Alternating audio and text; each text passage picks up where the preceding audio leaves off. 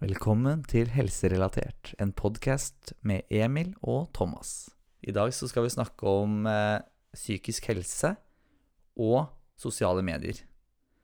I tillegg så skal vi ta for oss en helsenyhet og oppdatere hverandre på våre egne helseprosjekter.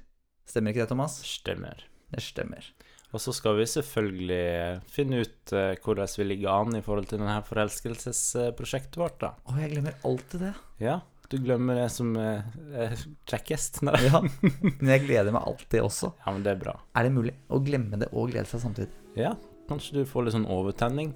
At du, det blir så stort at du glemmer det. Ja, apropos det. Det har vært Mm. veldig mye av det nå i det siste, men det kan vi ta etter jingeren.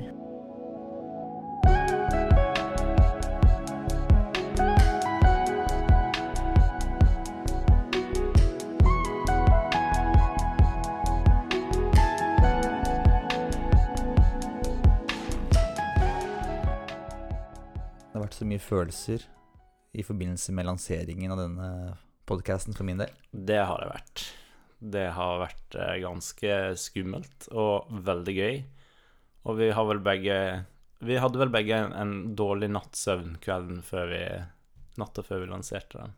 Absolutt. Ja, det var helt eh, Jeg drømte så masse rart den natta. Jeg drømte at alle jeg kjenner døde. Jeg drømte, hadde helt sånne sjuke mareritt. Det var helt rart.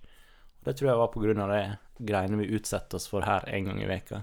Ja, dette her er jo vår første ukentlige levering. Ja, nå er vi på en måte Vi ville jo veldig gjerne få ut tre episoder først, da. Sånn at folk Eller at vi hadde litt ute, da. Og folk visste at OK, de gir ikke seg etter én episode, liksom. Og nå begynner jo på en måte den vanlige rutinen med å spille en episode hver uke, da. Mm. Vil jo da gi ut en episode hver fredag. Ja. I hvert fall nå i starten. Det er mulig Mm. vi endrer noe på sikt, men hver fredag inntil vi sier noe annet. Ja. Dette her er da veldig spennende for oss, fordi dette er, vi spiller jo denne her podcasten før vi har rukket å se noen respons på disse tre første episodene. Ja. ja. Vi har vel akkurat publisert den for ja, en halvtime siden Ja. nå når vi sitter og snakker, så det, det blir en eh, spennende tid framover. Ja, det blir en spennende uke. Det blir det. Det blir veldig gøy å komme tilbake neste uke og snakke litt mer. Da har vi forhåpentligvis fått litt respons, da. Ja. Så det blir bra. Men eh, Emil, hva har du gjort siden sist? Nei, nå har jo jeg eh, prøvd å stå litt på henda. Ja. Jeg har fått, uh, fått noen råd Mm. og sett litt på YouTube og på Instagram, så jeg har skjønt nå at det er lurt å prøve å stå inntil veggen. Begynne med det, ja. Ja, Begynne å jobbe opp litt styrke i skuldre og, og håndledd. Mm. Så vil jeg da i løpet av måneden prøve å slippe meg, eller frigjøre meg da fra veggen. Og så Ja. får vi se da i slutten av måneden om jeg klarer å stå litt uh, alene, da. Uten noe vegg i nærheten. Ja. Du så jo på dette videoklippet vi la ut, at uh, utgangspunktet var jo ikke så veldig imponerende. Nei, og jeg var òg livredd for gitarene mine, så det Jeg var ikke langt unna de gitarene. Nei, du var ikke det. Jeg stilte meg opp en halv meter unna veggen der hvor de Ja. hang. Jeg føler du gjorde det litt med vilje. Ja, det var litt med vilje. Ja. men det var liksom enten gitarene eller ved rekkverket. Ja. Du kan se for deg hvis jeg hadde stilt meg opp rett ved rekkverket, mista balansen og da. falt utover der, over rekkverket og ned i første etasje. Ja. Det hadde vært en veldig dårlig start på utfordringen. Med to brukne armer og bein. Ja. Men det hadde òg vært veldig kjedelig for meg å miste to gitarer. ja, men nei, det hadde gått helt greit for min del, altså. Ja, det er sant. Nei, så jeg håper jo da at eh, jeg i hvert fall skal klare Hvor mange sekunder er det greit å si? Ja, fem? Fem sekunder? Ja, du må da klare fem sekunder. Ja, fem sekunder, er det bra? Jeg syns du skal ha 15 sekunder som mål. Oh, ok, Du må stå ei lita ok, stund. ok, Det kan ikke bare være sånn at hvis du blunker, så mister du det, liksom. ok, 15 sekunder. Jeg aksepterer utfordringen. Ja, men det er bra. Jeg har jo vært ute og gått i skauen og i nabolaget, holdt jeg på å si. Eh, og det er jo Det første jeg gjorde første dagen, det var å finne en runde som var ca. 6000 skritt. For det veit jeg at jeg må ha hver dag. Ja. Og så har jeg òg alltid hatt mobilen på meg, òg når jeg går inn i leiligheta. For jeg bruker jo som regel ikke ha mobilen på meg når jeg er i leiligheta. Da ligger den jo enten bare i stua eller ja, på kjøkkenet. sant? Men nå har jeg liksom hatt den i lomma da, for at den skal telle alle skritt jeg tar inn i huset. ja. For det er ganske mange skritt i løpet av en dag. Det går jo til og fra rom og sånne ting. Og så er det jo de 10 000 dagers dagene mine, som du overtalte meg til skulle være fire dager i veka Som da altså blir annenhver dag, da, egentlig. Da må jeg jo gå litt lenger. Og da eh, har jeg løst det på litt ulike måter, da. Gått litt i skauen og tatt noen turer ned til byen og bare gått rundt og surra. 10 000 skritt er mer enn man tror, altså. Vil jeg tørre å påstå. Mm.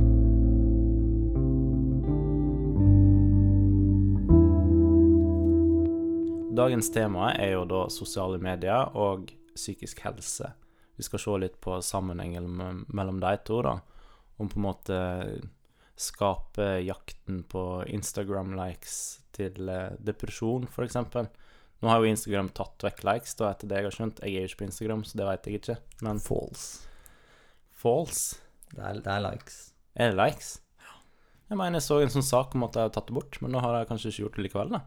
Nei, Jeg vet ikke om de har fjerna det i noen regioner, eller om det er Nei, det vet jeg ikke. veldig lokalt. Ja. Men vi kan jo snakke litt om eh, vårt forhold til sosiale medier. da. Vi var jo litt inne på det at jeg er ikke sånn kjempeglad i sosiale medier. Eh, men jeg har egentlig ingen god grunn til at jeg ikke er glad i det. Eh, gikk jo fire år uten Facebook, eksempel. Føler du at du på en måte blir avhengig av det, eller er det det at du ikke liker det du ser? Jeg syns det er litt uh, travelt. Uh, jeg så uh, en sånn TED-talk av en fyr som hadde et veldig godt poeng med at sånn som Facebook og de ulike aktørene, de har jo de har jo folk i firmaet sitt som de henter fra Las Vegas, altså avhengighetseksperter, da, som skal komme inn og si sånn her må dere designe appen deres for at folk flest, eller flest folk skal bruke den. da. Sånn som eksempel det med hvis du poster en ting på Facebook. La oss si at du legger ut et nytt eh, profilbilde i dag, da. Så får kanskje 25% av vennene dine det opp i feeden sin i dag. Neste dag får 25 det til opp i feeden sin. Alle får ikke det opp samtidig. Og grunnen til det er at du, når du går på Facebook, så får du den lille røde prikken, og det er jo en grunn til at den er rød. Da fanger den oppmerksomheten din. Så ser du 'Å ja, nå har jeg fått en notification', så må du se hva det er. Og hadde alle vennene dine sett det bildet på samme tid, så hadde du liksom gjort det ferdig med alle notificationene på én kveld. Men de sprer det utover flere dager, sånn at du skal komme inn igjen og inn igjen og inn igjen. Og inn igjen. Det og det er programmert sånn. Ja, det er utrolig smart. Ja, det er veldig utspekulert òg, vil jeg kalle det. da. Ja, men sånn er det jo i alt fra sosiale medier da, til eh, film og spill. Ja, sant. Spill også gjøres jo avhengighetsskapende Ja, fordi vi vil Ja. skulle spille mer, ikke sant? ja sant. Og så så jeg òg et sitat som var eh, Hvis et produkt er gratis, så er du produktet. Ja. Og sånn tror jeg det er på Facebook. sant? De samler jo informasjon om deg, eh, får retta eh, reklame som er retta direkte mot deg som person. Og sånn, Jeg er jo ikke, jeg tar ikke på meg tinnfoliehatten og er skikkelig sånn skeptisk, da, men jeg, jeg syns liksom at det Jeg syns ikke det er så kult, jeg. Ja, men alt du sier der, er jo helt sant. Mm. Du merker jo det hvis du har hatt en periode hvor du har søkt etter et visst produkt eller innenfor et uh, område, så ser du plutselig at å ja, Facebook eh, har sett Mm. hva jeg har søkt på. Ja, sant. De har full kontroll. Hvis du googler, så Det er jo det med cookies og sånn, da. Ja, ikke sant? I nettleseren din. Så det er ikke noe konspirasjons... Uh... Nei, det er jo ikke det. Altså, hvis du er innlogga på Facebook i nettleseren din, og lukker fanen uten å logge deg ut, så veit Facebook hva du har gjort seinere. Altså på andre plasser på internett, da. ja, ok. Så det er liksom eh, De har kontroll på hva du driver med på internett, og bruker det for å komme med reklame som du skal bli trykket på, da, sånn at de tjener penger. Ja, ikke sant? Men det må jo nesten være sånn, da, for de skal jo tjene penger. Men er det, er det reklamen og promoteringa og det her som du ikke liker med Facebook, eller er det noe annet? Eh, ja, så jeg er jo ikke så veldig glad i reklame. Det er jeg jo ikke. Eh, og jeg liker ikke tanken på at et firma skal ha peiling på hva jeg har lyst Ikke det at jeg har noe å skjule, men jeg bare, jeg bare liker ikke konseptet. Nei. Hvilke forhold har du til Instagram, eksempel? Null forhold til Instagram, egentlig. Ja, du har jo en konto der. Halvhjerta. Ja, jeg har den kontoen med ingen bilder på nå. Jeg sletta jo alle bildene mine for en del år siden. Jeg hadde ikke så veldig mange bilder heller. Nei, Instagram har jeg liksom aldri helt skjønt. Det er jo litt morsomt nå hvordan på en måte sånn Snapchat, Instagram og Facebook alle merger, eller smelter sammen og blir på en måte én app. Alle appene er identiske. Med tanke på at man kan legge ut bilder, film, man kan Mm. skrive ting. Mm. Eh, appene tar på en måte funksjoner fra hverandre. Mm. Så alle appene har alle funksjoner. Ja, sant. Bortsett det eneste jeg syns er litt unikt med Facebook, som gjør at jeg må ha Facebook, Mm. det er jo dette med eventer eller arrangementer. Som Ja. bursdagsfester, jobbfester, Ja, sant. Sånne ting. Det, og konserter for den saks skyld, er veldig mye som legges ut på Facebook, så man føler at man øh, Føler at man ikke vil gå glipp av, da.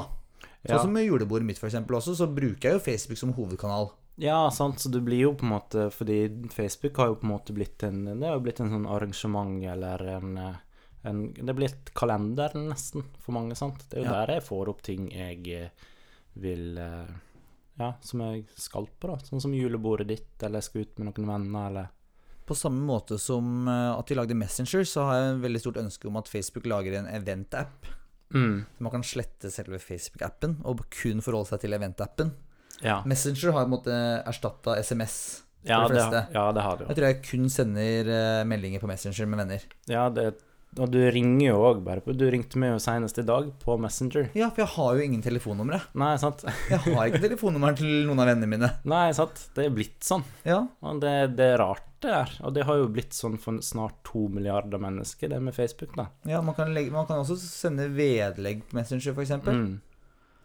Så man kan jo bruke Messenger som en slags e-post også mellom venner. Ja, det blir nesten sånn. Mm. Og vi bruker jo Messenger veldig aktivt i planlegging av den podkasten her, f.eks. Mm. Og andre ting. Ja, vi har sikkert hundrevis av meldinger siden Ja. november Ja, ja. vedrørende Ja, om det ikke tusenvis, tusenvis, Ja. liksom. I tillegg til at vi Det er kun det her vi snakker om når vi møtes på trening og sånn. Ja. Jeg ser jo eh, På Facebook så er jo vår generasjon er veldig måteholden. Vi, sender, vi oppdaterer profilbildet en gang iblant, noen av oss. Mm. Ikke du da, Thomas, men noen av oss oppdaterer profilbildet. Og Ja. da er det ofte sånn veldig sånn hyggelig bilde, enten med familie eller uten familie. Det er et sånt fint bilde man har- finner. du har jo morsomme og bra profilbilder, da. Ja, det, det varierer jo litt, da. Det er enten et morsomt bilde eller et Mm. familiebilde. Ja. Eh, ellers så bruker man jo ikke Facebook så mye. Man bruker Facebook eh, kun til arrangementer, og så bruker man Messenger-appen. Mm. Mens foreldregenerasjonen vår de er mye mer aktive på Facebook, kan jeg se. ja og, De har flere venner, de har masse innlegg. mm. Og så våre besteforeldre igjen, da. De er jo helt håpløse på Facebook. ja, ja. De kommer jo når de skal kommentere f.eks. på noe. Hvis du legger ut et nytt profilbilde, kan de da kommentere 'Hei, hvordan går det lenge siden jeg har sett deg?' ja, underbilder. Ja, Noe, noe som man f.eks. ville da ha sendt på en melding, da. Ja, det er interessant, det. Så ulike generasjoner bruker mediene på forskjellig måte. Mens Ja. de som er yngre enn oss, de bruker jo ikke Facebook. De har jo kanskje en Facebook-profil, jeg vet ikke. Nei, Men de chatter mest på Snapchat, f.eks. ja, det er jo veldig stort blant folk som er yngre enn oss, da. Så jeg vet ikke om de bruker Messenger i det hele tatt. Nei, jeg var på eh, I fjor så underviste jeg for Stiftelsen Organdonasjon på en skole, videregående skole her i Oslo. Og da snakka vi litt om det her med etter timen, da, så snakka vi litt om eh, Facebook og sosiale medier og sånn. Og da, da sa de liksom at Facebook, det er gamleheimen. De kaller det for gamleheimen. Ja. For det er liksom 60 plusser på Facebook nå. Og det syns jeg er så interessant. Ja, eller 18 pluss, da, fordi ja, kanskje det. Men det er liksom De mente liksom det var foreldregenerasjonen som var på Face. Ja. Vi er ikke på Face, liksom. mm. Eh, og det syns jeg er litt interessant, og hvordan en Facebook, når det kom for ti-ish år siden, så var det jo kjempestort, sant. Man oppdaterte status, se på film, eller man skrev på veggene til hverandre og brukte det på en helt annen måte i dag. Og så var liksom foreldregenerasjonen vår var jo sånn der ja, Hva er det der, liksom? Og nå er jo liksom sånn som mamma er jo med i strikkeklubb og alt mulig rart på Facebook, sant. Mm. Bruker det masse mer aktivt enn det jeg gjør. Ja, ja. Så det er så rart hvordan den eldre generasjonen på en måte hijacker sosiale medier. Sant? Og da måtte vi flytte oss over til Instagram og Snapchat. Og nå kommer jo de inn dit òg, så nå må folk lage noe nytt til ungdommen igjen. da. Ja, ikke sant? Det er litt sånn det der. Det går litt i sånn sykluser, virker det sånn. Mm. Jeg syns det er litt interessant. jeg. Ja, det er veldig interessant. Og, og sånn som med Instagram, da. Jeg har jo Ja, for du bruker Helt- det ganske aktivt. Har helt klart brukt Instagram eh, Eller det er det jeg bruker mest aktivt. Mm. Men jeg bruker det kun som egentlig et privat fotoalbum. Ja. At eh, når jeg tar bilder på mobilen min, Mm. så er det dessverre sånn at jeg har tar tusenvis av bilder, Mm. og så ser jeg for meg at jeg skal legge disse inn i et system og sortere det. Jeg legger over på en harddisk, men det skjer ikke. Nei. Så jeg har liksom lært meg at hvis jeg legger ut et fint bilde i ny og ne på Facebook, nei, på Instagram, Mm. så har jeg i hvert fall lagra det noe sted.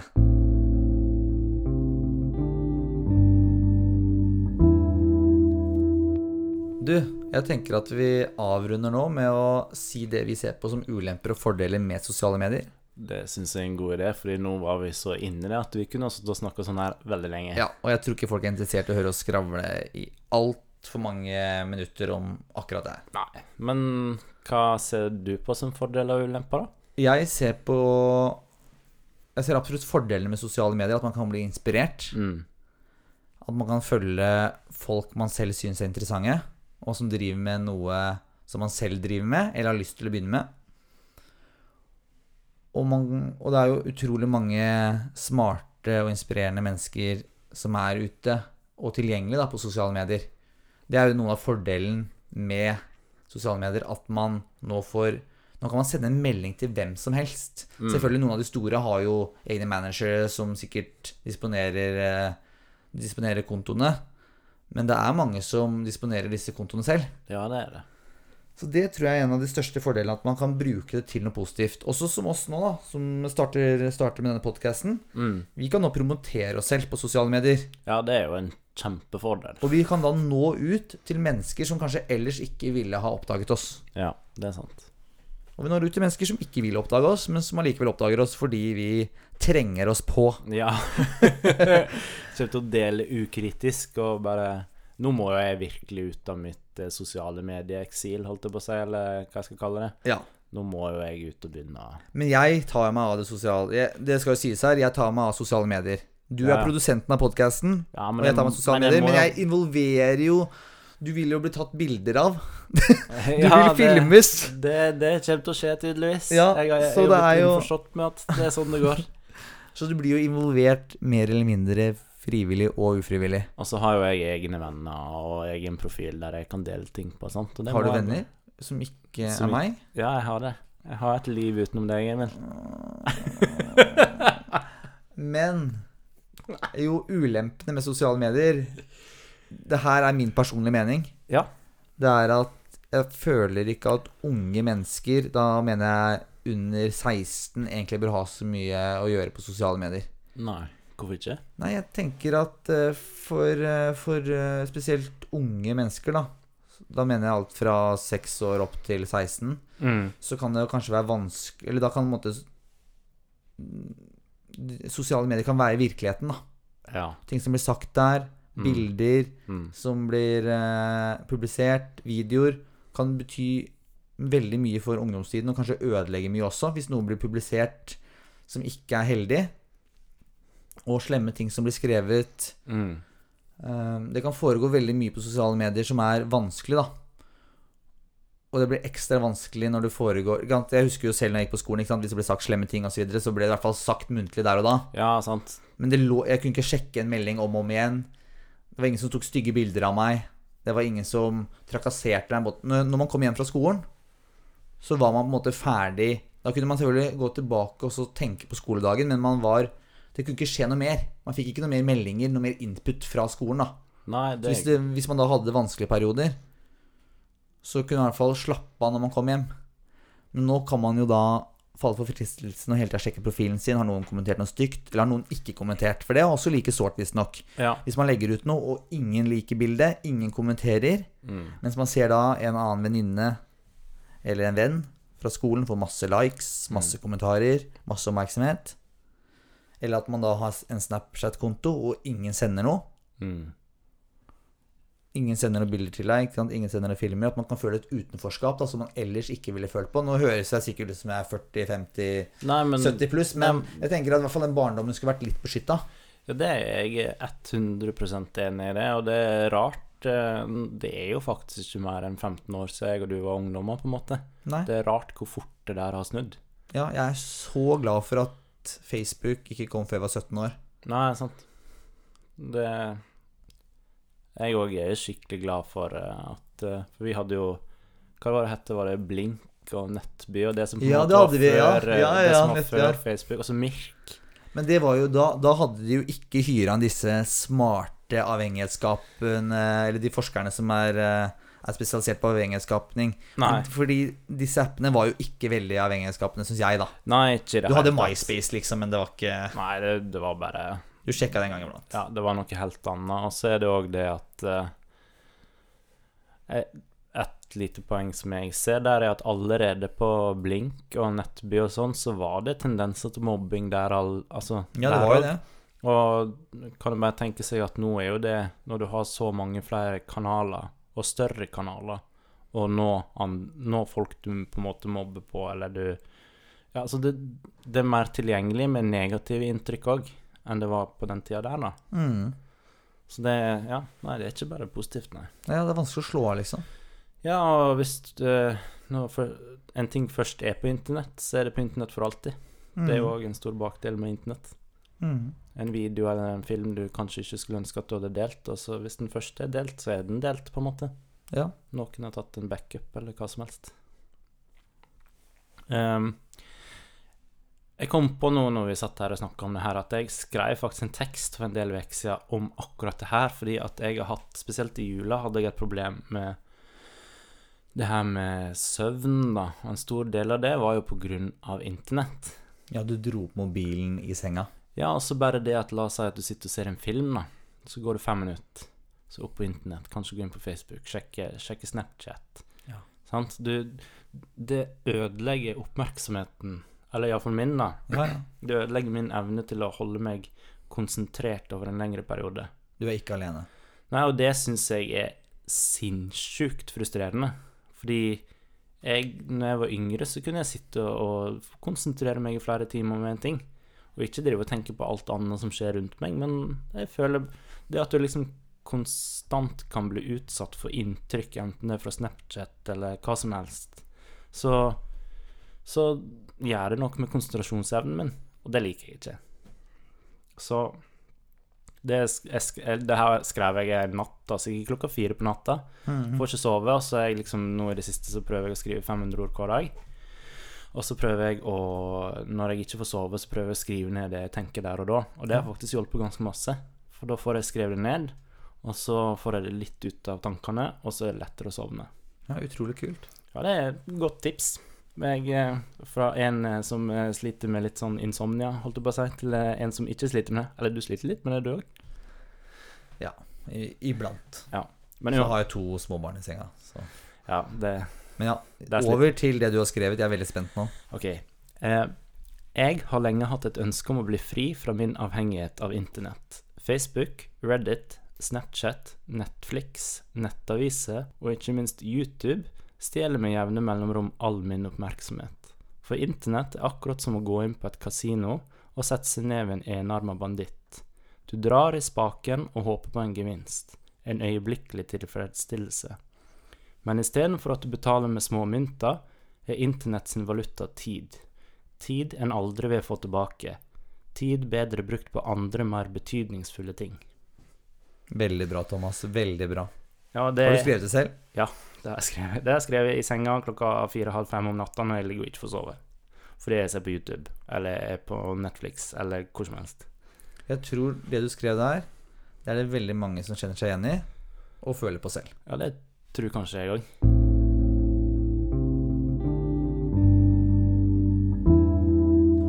Yes, Thomas, da har vi jo snakka litt om eh, sosiale medier, slik vi bruker det, og hvilke ulemper og fordeler vi finner. Men folk vil kanskje vite litt mer hva forskninga sier, da. Jeg er i hvert fall litt eh, nysgjerrig på det. Ikke bare bro science, altså. Nei, vi kan ikke Vi er ikke noen orakelleger, du. Selv om vi har meninger om ting, så liker vi vel å forholde oss til fakta. Absolutt. Så ja, vi har jo prøvd å finne litt forskning rundt det her, men det, det er masse av det som er gammel forskning. Det syns vi jo er litt problematisk, da. Ja, det er vel det som er hovedproblemet her, at dette her er jo noe som er veldig dynamisk. Vi ser jo det selv, at uh, apper uh, skifter funksjoner for uh, ulike alderstrinn, og alt, er, alt beveger seg veldig fort. Mens forskningen er jo veldig treig. Det tar lang tid å starte opp et forskningsprosjekt og få det gjennomført, og avslutte og få publisert det. Så den vil jo alltid være fem steg bak. Ja, det er veldig sånn. Og nå sitter jeg her med en forskningsartikkel da, på forskning.no, der overskrifta er 'Norsk studie viser svak sammenheng mellom sosiale medier og depresjon'. Å bruke mer tid på sosiale medier påvirker ungdommen negativt, men sammenhengen mellom bruken av sosiale medier og depresjon er svak. Men det som jeg syns er litt eh, interessant, da, det her er jo en studie, studie gjort av Folkehelseinstituttet i perioden 2014 til 2015. Så det er ganske gammel, eh, gammel data, da, for å kalle det det. Ja. Det er jo det. Så det Ja, og det, det som òg var litt interessant, var at forskerne, da, da jeg sier resultatene var ikke som forventet. Så de hadde trodd å finne flere funn på det her med sammenheng mellom sosiale medier og depresjon, enn det de faktisk gjorde, da. Jeg har en sak her da som er postet i Dagens Medisin, som eh, Som baserer seg da på en ny undersøkelse som er publisert i The Lancet Child and Adolescent Health. Adolescent Health? Ja, vi, ja, vi går for den. Ja. Der forskerne har fulgt mer enn 10 000 britiske ungdommer i alderen 13 til 16 år over tre år. ja. Nei, jeg bare skjønte nå at du ville vært litt skeptisk på Brad Pitt på middag, med tanke på at du sleit med å uttale adolescent. Adolescent er det. Ok, du, du, vi tar det på nytt. Ja, ok. I den nye undersøkelsen Ok, Dagens Medisin her, de har en sak på sosiale medier, da. Ja. Den er da fra Eller den saken her baserer seg på den nye undersøkelsen som er publisert i The Lancet Child and Adolescent Health, hvor forskerne har fulgt mer enn 10 britisk mer enn 10 000 britiske ungdommer Ja. i alderen 13 til 16 år over tre år. Jeg tenker at vi hopper eh, rett på konklusjonen, ja. Ja. Konklusjonen her i studien da, er at eh, det er en årsakssammenheng mellom hyppig bruk av sosiale medier og psykisk helse blant unge jenter. Hyppig bruk av sosiale medier gir økt eksponering for hets og fører også til mindre søvn og mindre fysisk aktivitet. Tidligere forskning har vist at god og tilstrekkelig søvn samt fysisk aktivitet forebygger psykiske plager. Hmm. Ja. Så dette er da konklusjonen. Det var en ganske stor studie. Det er faktisk den første i sitt slag, visstnok. ja, det var 10 000. Det er ganske mange, det. Ja, og de har fulgt det fra 13 til 16 år. Ja. Så det er jo over ganske bra, bra årsspenn, da. Ja, og det er kanskje den tida der de er mest sårbare òg. Jeg vet ikke. Eller iallfall en av de verste periodene for mange. Det er vel ungdomsskolealder. Ja. Så, men da Hva Hva vil det her si, da? De ser en sammenheng da mellom psykisk helse og sosiale medier. De får mer hets, eller blir utsatt for hets, da. Mm. Det er selvfølgelig da noen som gir den hetsen, og noen mottar. Ja, ja det, sånn må det jo nesten Ja. Mm. Og så går det utover søvn, da. Ja, og det er jo negativt i seg sjøl. Og mindre fysisk aktivitet. Ja. Det er jo spennende å se hvordan de tenker at sosiale medier i seg selv påvirker mindre fysisk aktivitet, eller, går, eller fører til det, men det er vel kanskje fordi man sitter så mye på mobilen og, og PC-en, da, eller iPaden. ja, det kan godt hende det. At man reiser jo kanskje mindre ut og møter hverandre sånn. Altså, når jeg vokste opp, så sprang jeg jo ned til kameraten min i nabolaget og hang med han, sant? og vi var sammen. Men nå kan du jo bare facetime med den vennen din. Ja. Nå syns jeg jo det, men Ja, ja. Det kan jo hende sånne ting vil ha litt å si i det store bildet til slutt. Jeg veit Mm. ikke. Og jeg syns det er litt interessant at, at den norske forskningsartikkelen her, så sier liksom forskerne Nei, vi an anerkjenner òg at det kan være ukjente faktorer som virker inn. For det kan liksom Det er vanskelig å forske på det her, da, for det er så sammensatt. Veldig.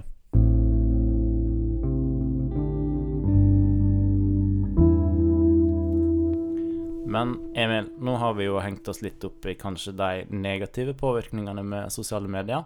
Mm. Eh, Men så ser jeg jo òg her at det er en eh, annen artikkel på forskning.no som sier at riktig bruk av sosiale medier kan gjøre deg lykkelig, Ja. og at det skjermer oss fra ensomhet. Og det er jo et godt poeng.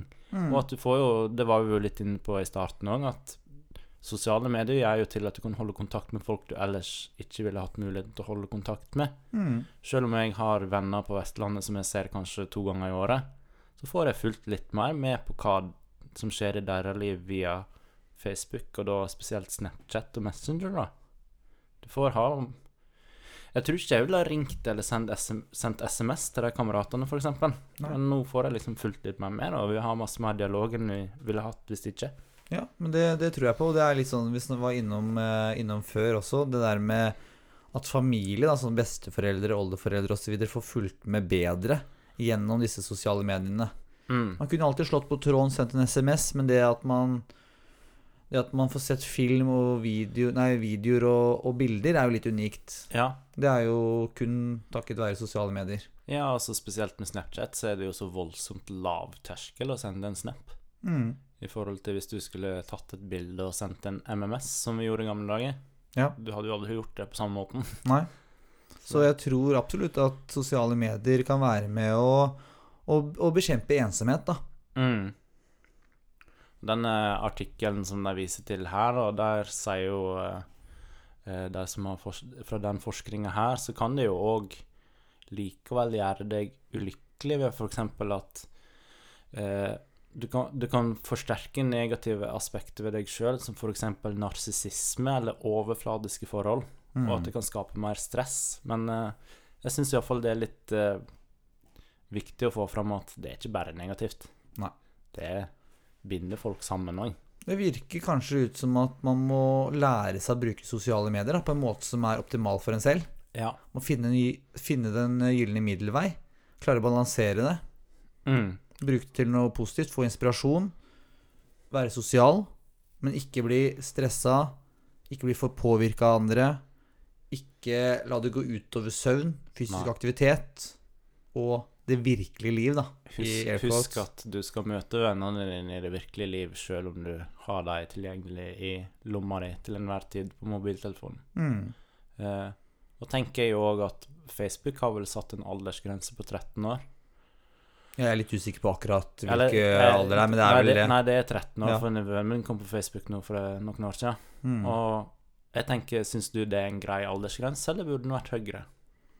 Ja, Nå vil jo ikke den, den aldersgruppa der bruke Facebook, så det er vel samme. Det er jo ikke så mye som skjer. Man kan jo bare sende meldinger med besteforeldre. Ja, det, Så det er ikke Det er en ganske ufarlig plattform. det Jeg vurderer kanskje å gi seksåringen eh, tilgang, jeg. Ja, gjør det. Lag en liten profil til dattera di. Nei, men eh, sånn som Snapchat og Instagram, da. Andre ting burde det vært en eh, øvre aldersgrense på det. For Snapchat spesielt, tenker jeg på. Ja. Snapchat, der kan man jo sende bilder som man tenker blir sletta, eller som bare forsvinner, da, men så kan folk eh, ta screenshots. Ja, Og lagre det. nå får man jo en advarsel hvis den som Mm. mottar bildet, tar skjermbilde både av selve snappen eller bildet du sender, men òg eh, chatten, da. Ja. Men det som òg går an, er jo Du kan jo ha ulike apper på telefonen din som filmer hele, hele skjermen, eller hele bildet på mobilen din, da. Mm.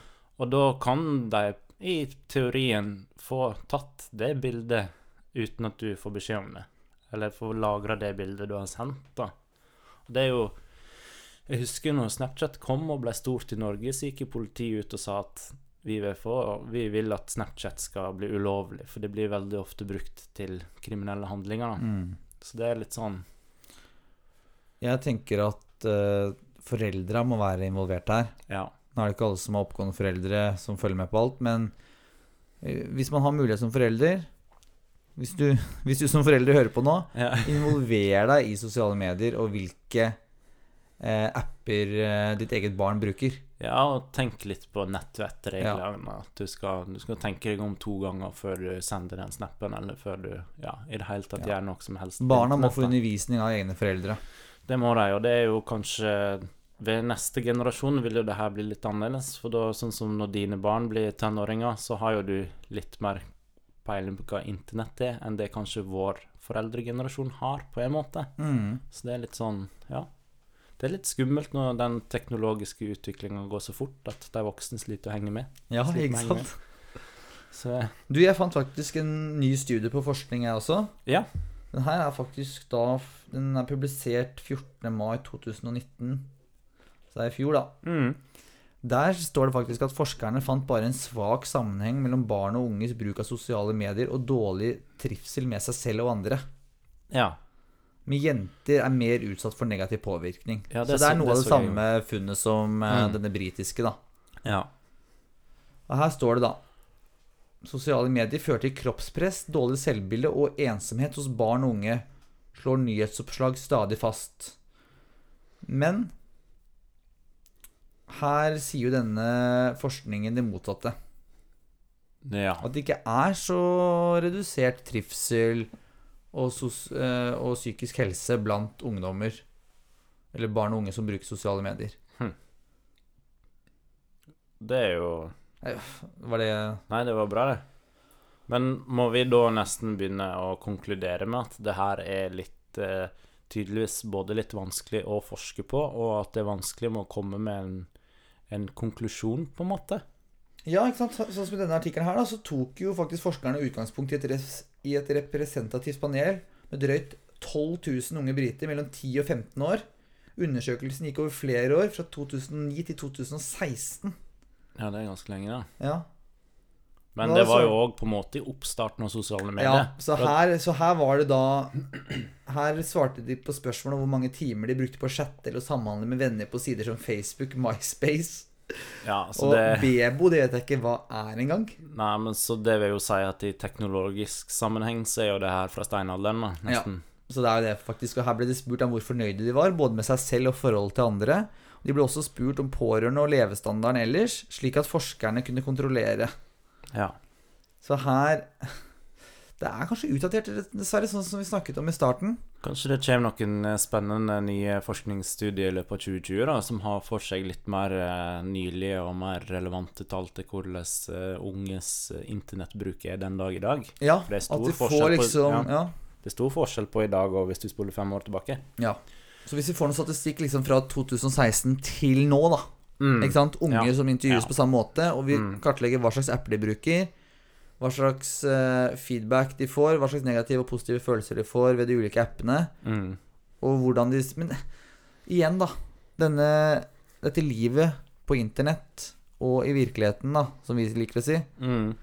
det er jo da I hvilken grad det kan skilles når man har mobilen alltid i høyrehånda eller venstrehånda, Ja. og man egentlig klarer å skille det. ja. Hva påvirker hva, på en måte? Ja. Eller hva Ja. Og man har den mobilen hele tiden. Mm. Så det er, ikke, det er ikke så lett for meg heller å si nøyaktig hvor, lang, hvor mye tid jeg bruker på sosiale medier. Nei. Nei, sant. Det Hvis man medregner liksom en melding på Messenger inni det, så Nei, det, man er jo på mobilen hele tida. Man er jo det. Og det er litt sånn Jeg tenker jo Bare for å spore litt av, da, men la oss si i forhold til med Når du har Du har jo egne barn. Mm. Er du bevisst på mobilbruk rundt barna? Det blir en litt annen ting, men Skal du shame meg? Nei, jeg skal ikke. Nei, Skal vi nei, men, nei, men eh, sånn eh, Der er vi veldig bevisste, da, hjemme. mm. Spesielt ved måltider. Frokost, lunsj, middag Mm. og kvelds. Mm. Så er det ikke lov med skjerm. Nei. Verken for barna eller for oss. nei, for det skal være familietid. Det er liksom Da sitter man stille, man spiser maten sin og snakker om dagen. Mm. Enten planer for dagen eller hva som har skjedd. Og sånn ellers rundt barna, så jeg skal ikke være noe Jeg er ikke noe perfekt. Jeg har dratt opp mobilen, sjekka meldinger når vi, eksempel når vi to sender meldinger. Og Vi når man, sender jo ganske mange når man er inni noe, Ja. så er det fort at man tar opp mobilen. ja. Men jeg prøver da så, i så stor grad som mulig å ikke dra opp telefonen rett foran barna Nei. mens de for eksempel snakker til meg sånn. Nei, sant. Ja, da går jeg bort til, til eh, kjøkkenbenken Mm. hvor mobilen min ligger, Mm. og da sender jeg melding med ryggen til, på en måte. Ja. Så jeg måtte prøve å ha et bevisst forhold til at den mobilen er ikke med absolutt overalt hjemme. Og den trekkes ikke opp med jevne mellomrom. Du merker det sikkert når vi, når vi chatter også. Så er det veldig konsentrert, og så plutselig er det litt borte. Ja, ja, det har jeg tenkt på. Tenkte Ja. på senest i går. Du Ja. Svarer liksom veldig, og så går det en halvtime uten respons, og så svarer du veldig igjen. Ja, for jeg tenker at denne mobilen, da, man merker jo det selv også når man er ute med venner på byen eller bare på en kafé og sånn. Hvis den, eller de man sitter med, ofte drar på mobilen, så er det et forstyrrende element. Ja. Og jeg, som sagt, jeg er ikke perfekt der. Jeg er skyldig selv. Ja, Jeg- har både trukket opp telefonen på jobb Mm. når det ikke passer seg, eh, blant barna når det ikke passer seg, foran kona mi når det ikke passer seg, og foran kamerater. Mm. Men jeg har, prøver å ha et bevisst forhold til det og være så flink som mulig, da, Mm. i hermetegn. Ja. ja, nå sporer vi jo litt av, Ja. da, men jeg tenker på at det med å La oss si at du er på en eh, kafé eller en pub med noen venner, og du drar opp mobiltelefonen, så signaliserer du at nei, det livet jeg har på internett, er mer spennende enn dere. Det er veldig det du snakka om i stad, det Mm. der med det du hadde skrevet. At det som du plages med, da, er dette der at du mister den der konsentrasjonsevnen. Enten det gjelder å se på en film eller holde flyt i en samtale. At du hele tida tenker på hva annet kan jeg sjekke eller gjøre? Hva har, Har det den, skjedd noe? hva har den enarma banditten kommet med siden sist? Ja, ikke sant? Hvilken notification har jeg fått siden sist? Ja. Og det er I min personlige mening tror jeg at det er ganske kan være ganske ødeleggende for menneskelige relasjoner, da. Ja. Det, er, det er min tanke. ja. Og så, for de som vokser opp, da, så tror jeg at det, at det muligens kan påvirke evnen til å holde konsentrasjonen. Ja, det, det ser man jo på skole. Nå blir det litt synsing fra meg. Jeg har ikke noe forskning på det, men det at man har en mobil da, i lomma, og man kanskje sitter med en bærbar PC foran seg, eller en iPad, Mm. og når du da ser læreren stå og snakke, og du kanskje har falt litt av, du følger ikke, du følger ikke med, så er det veldig lett å sjekke noe på PC-en, iPaden eller mobilen. Nei, men Det der kan jo jeg bekrefte fra når jeg, jeg underviser jo av og til på videregående skole for Stiftelsen Organdonasjon. Mm. Og da ser du jo x antall laptoper og læreren da går rundt og, mens jeg står og underviser og sier 'nå må du slutte å se på den YouTube-filmen', eller Mm. 'nå må dere slutte å chatte', liksom. Ja, ja. Det, Det er et problem. og jeg tenker for de som jobber med, eh, som lærere hele tida, så er jo det her en helt annen utfordring enn det man hadde for ti år siden. Mm.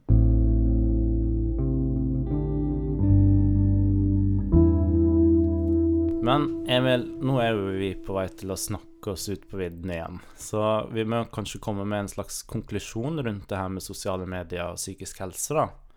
Eh, og konklusjonen vi kan komme med, er vel kanskje det at det er veldig vanskelig å dra en konklusjon rundt det her. Fordi forskninga sliter med å komme til en konklusjon, da.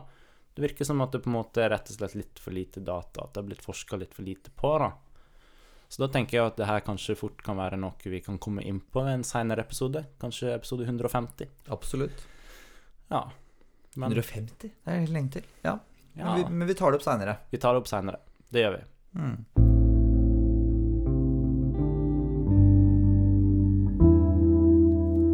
Jeg syns vi må rett og slett bare hoppe videre til neste segment, som da er den her store veien jeg og du har sammen mot forelskelsen. Er du klar for det? Jeg gleder meg, som vanlig. Du gleder deg som vanlig. I dag er vi jo da kommet til spørsmål fire. Fortsatt 32 spørsmål igjen etter i dag. Tenk på det.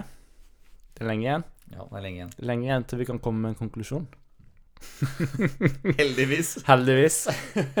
ok, jeg går rett på, jeg. I dag er det dessverre ikke et spørsmål, men jeg ber deg rett og slett om å beskrive en perfekt dag for deg. Og det som er litt interessant, er at perfekt står med hermetegn. Jeg vet ikke helt hvordan vi skal tolke det.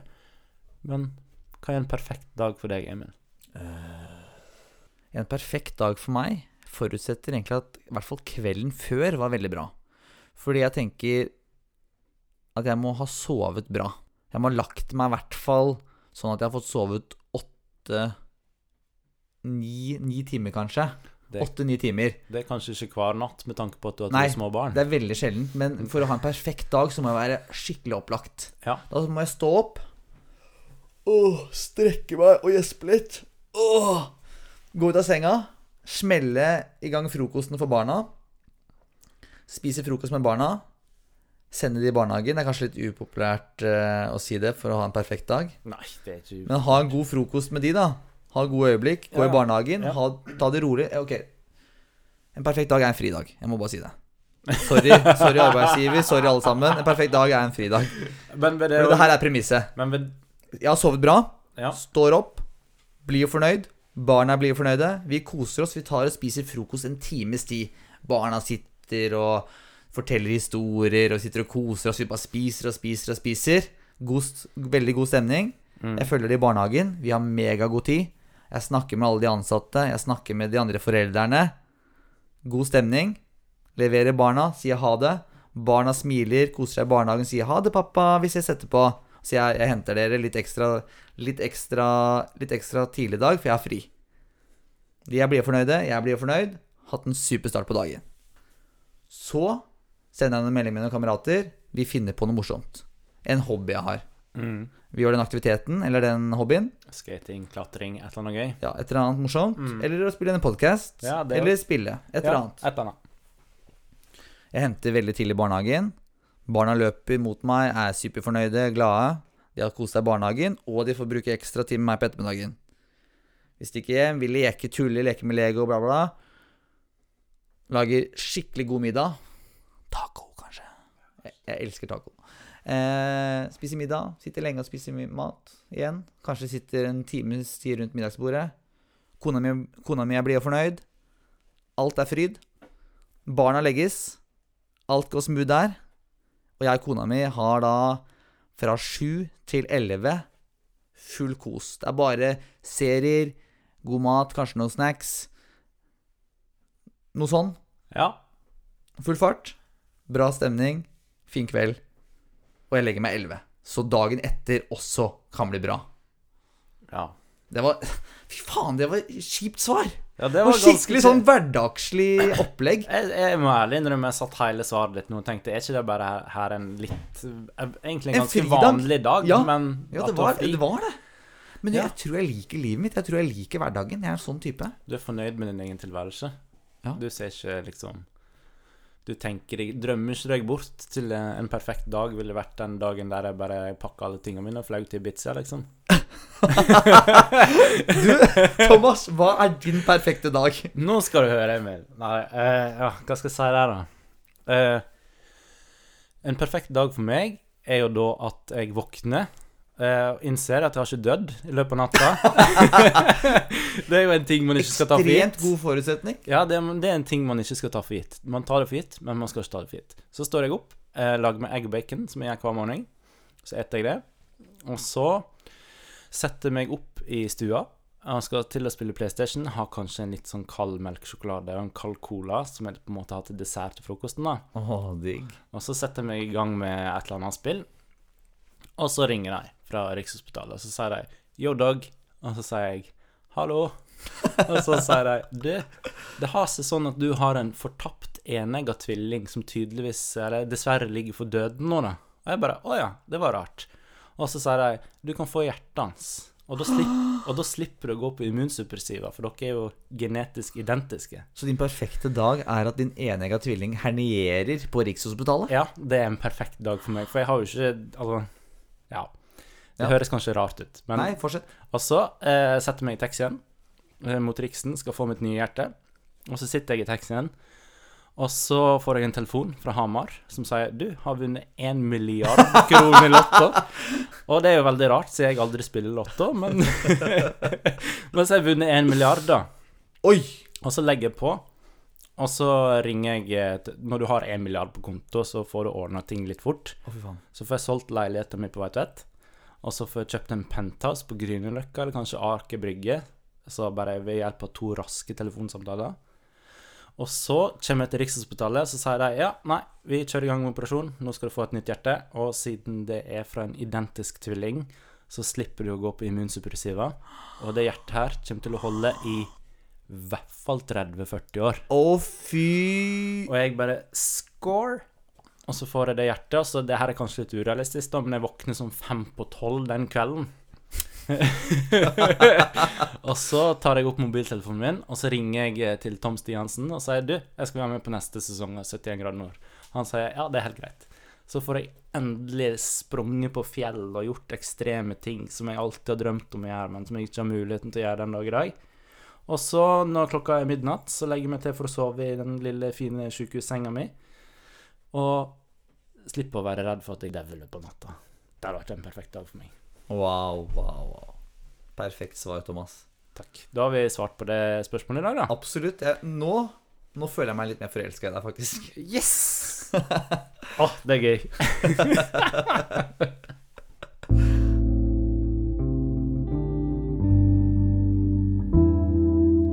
Vi skal jo ha dagens eh, nyhetssak òg.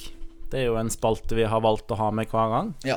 Den her er vel litt relevant for hovedblokka vår. Hovedbolken, mener jeg. Ja, det er du som har funnet en uh, sak i Aftenposten der det er ei uh, som heter Anja Katrine Venås. Hun var med i den her uh, NRK sin serie med Peder Kjøs, den 'Jeg mot meg'. Har du sett den? Nei. Jeg anbefaler jeg. Jeg har sett begge sesongene. Det er veldig bra. Eh, og hun sier jo rett og slett eh, Eller der er det jo en psykolog som mener at det er naivt å tenke at all åpenhet er bra. Fordi hun Anja her, da, hun har jo blogga. Hun har blogga en del. Og hun følte etter hvert at det dro hun lenger ned, da. Ja, all åpenheten om, Ja. at, om hennes egne psykiske lidelser. Ja, at åpenheten på en måte var med på å gjøre til at hun følte, det, følte seg verre, da. Og det er jo på en måte en slags eh, bakside ved det her med blogging og sosiale medier og deling av ting, da. Og jeg syns konklusjonen hennes var så bra. Eh, hun sier at jeg tror at vi må skifte fokus fra å kjenne etter og å tenke 'slik føler jeg meg nå', til å lære mer om hvordan man kan leve med psykiske lidelser og vanskelige dager. Flere unge må lære seg å akseptere at noen dager er dritt, og samtidig forstå at man må komme seg ut og møte folk likevel. Det hjalp i alle fall for meg, sier hun. Ja, det er veldig fint konkludert. For det er fort gjort å gå inn i de negative tankene. da. Ja, og tenke hva føler jeg nå, hvorfor føler jeg det? Mm. Å henge seg opp i sine egne følelser, egentlig, istedenfor å bare pløye på. Og Ja, så, ja, altså, selv om du har en dårlig dag, så må du rett og slett bare prøve å komme deg litt ut, da. ja, må komme seg gjennom det, rett og slett. Altså, det, jeg syns det var litt interessant, eh, interessant at hun som på en måte hadde blogga så masse om sin egen psykisk helse, eller seg sjøl, hadde kommet fram til den konklusjonen der. Mm. Så det var en interessant sak. Det var du som fant den, Emil, så jeg er Yes. glad du viste den til meg. Yes, absolutt. Veldig Ja. interessant. Ja. Og veldig, Relevant for det vi har snakka om i dag. veldig relevant og helserelevant. Ja. Helserelatert. Helserelatert. Helserelatert.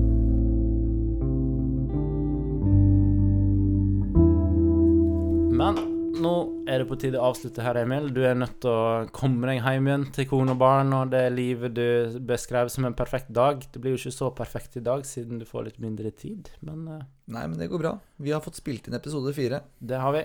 Og det er veldig gøy å ha kommet så langt. At nå har vi gjort unna den der verste tre episodene, release.